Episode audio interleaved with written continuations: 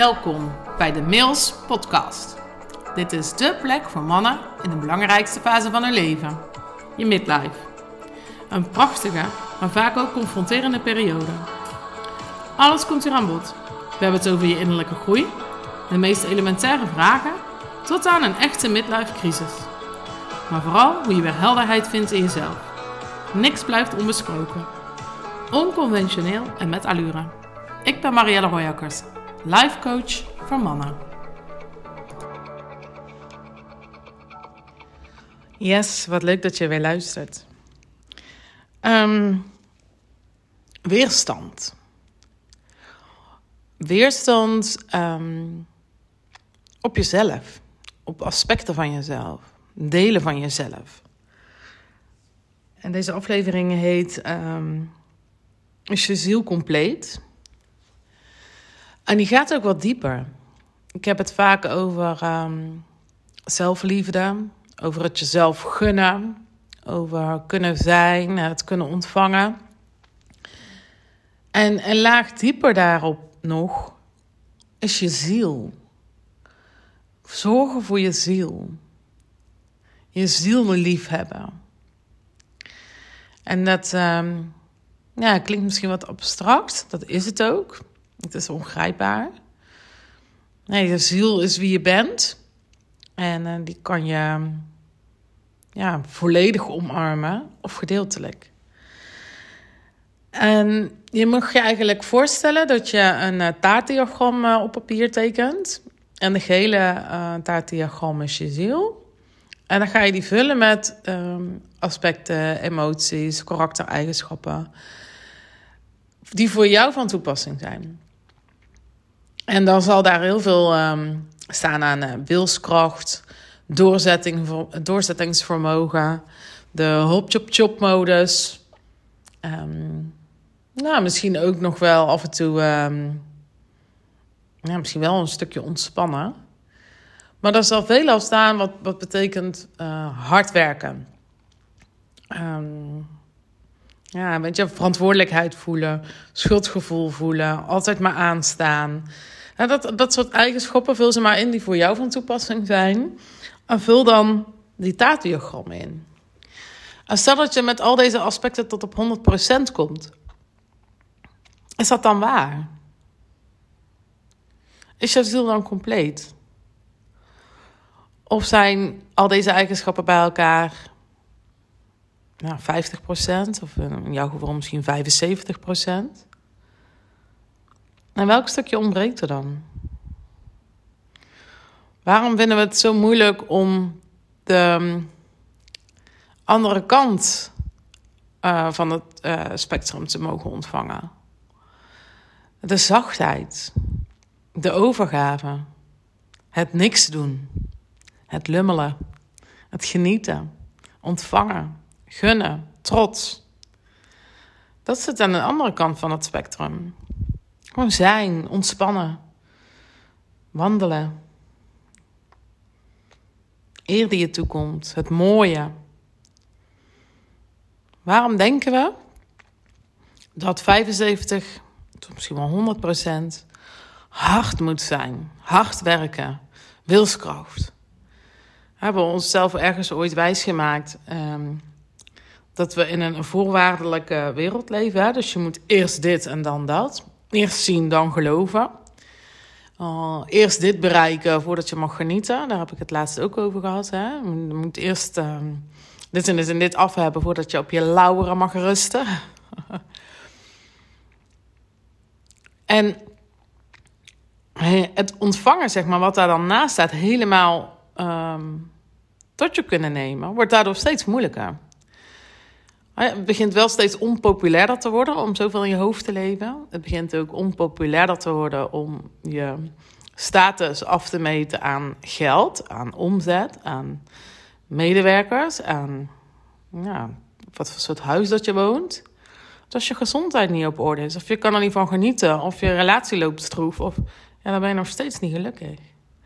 Dus het wordt populairder om te kijken hoe gelukkig jij bent en hoeveel je geniet.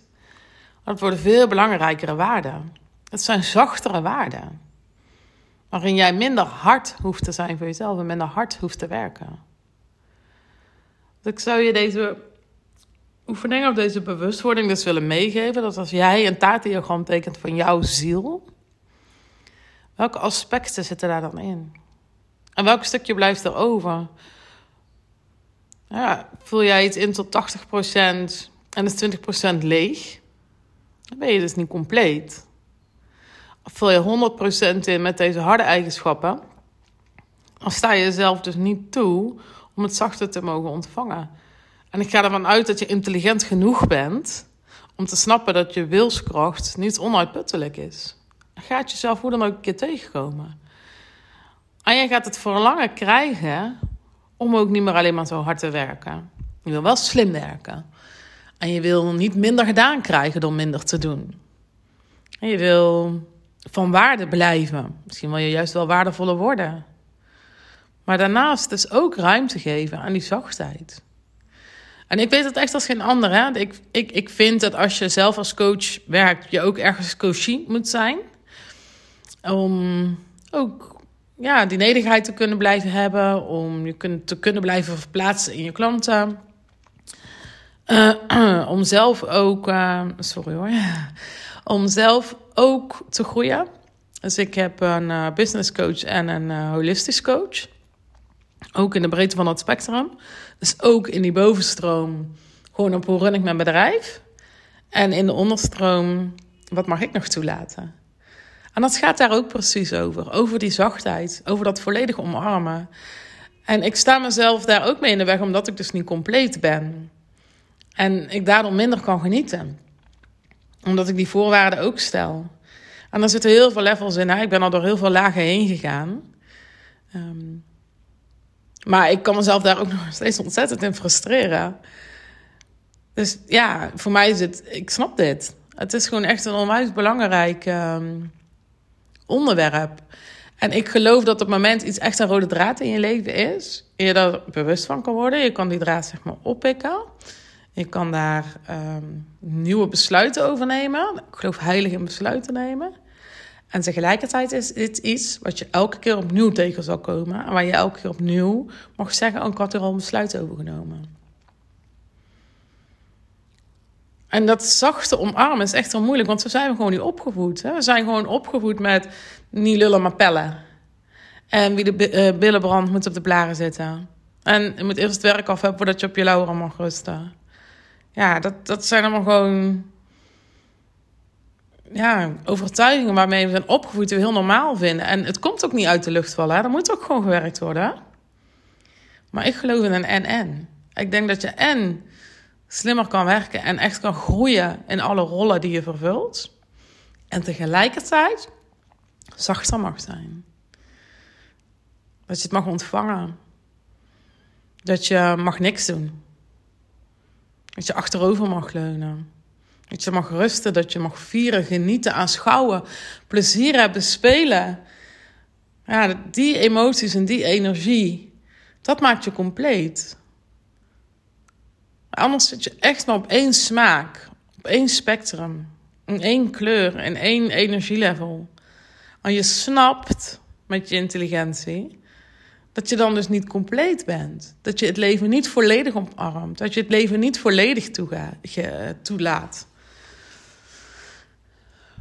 Op het moment dat je alles kan ontvangen, geef je je over aan het leven. En leef je echt.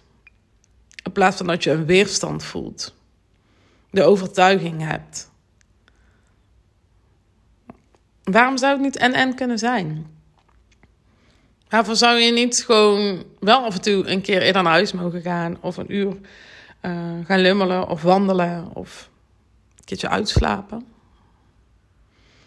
En echt, als je tot stilstand komt, komen de beste ideeën. Dan komt creativiteit en ga je juist dus in een versnelling. Dat zeggen ze vaak zo, hè? Je moet stilstaan om, om sneller te gaan, om vooruit te kunnen. Ja, dat is echt zo. Ik heb deze week zelf ervaren. Ik had um, ja, wat fysieke klachten deze week. En ik moest me daaraan overgeven, maar ik wilde dat niet. Want ik dacht, ja, maar ik heb deze afspraken staan en ik moet dit nakomen. Ik heb best wel een volle agenda. En de een na de ander belde af. De ene had uh, griep, de ander had migraine. Um, oh, en mijn, mijn hond had de internetkabel doorgeweten. Dus ik had een podcast interview met uh, Julia, waar ik jullie over verteld had. Uh, die vermogenscoach. En dat ging niet door, want ja, ik had geen internetverbinding, dus kon ik ook geen uh, Zoom podcast interview opnemen. Dus alle afspraken vielen uit mijn agenda. Dus blijkbaar was die intentie zetten van... oké, ik moet me eigenlijk nu overgeven hieraan... in plaats van me te blijven verzetten en op wilskracht en hop op chop maar doorgaan... Ja, ben ik deze week gedeeltelijk gedwongen dus in de overgave gegaan... maar heb ik het ook losgelaten. Want als je daar dan niet aan kan toegeven, dan krijg je stress in je hoofd. Maar dan, ja, dan denk je wel, ik moet wel allemaal dit en dit. En als ik dat niet afkrijg... en ik heb me gewoon aan overgegeven... En dan ontstaan er heel veel goede ideeën. In die rust, in dat even wandelen, in dat...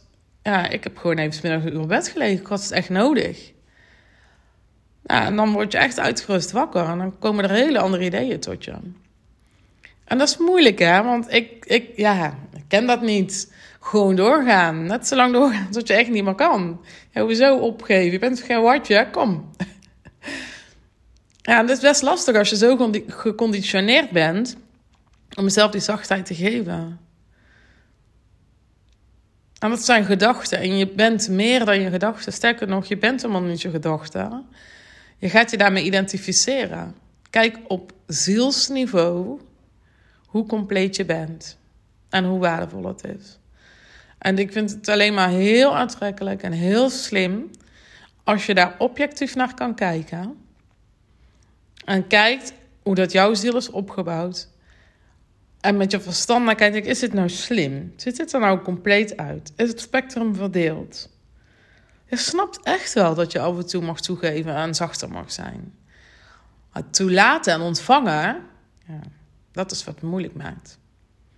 Want je wil je ook niet nutteloos voelen of doelloos voelen. Hè? En als je dan eerder naar huis gaat, dat je dan denkt, maar god, wat doe ik hier? Dus daar zit dan hè, de, uh, de bottleneck. En dat is dan ook waar ik eigenlijk mijn klanten op coach. Want de oplossing is niet dat je morgen ineens parttime gaat werken. Daar word jij niet gelukkig van. Daar wordt zelfs je vrouw niet gelukkig van.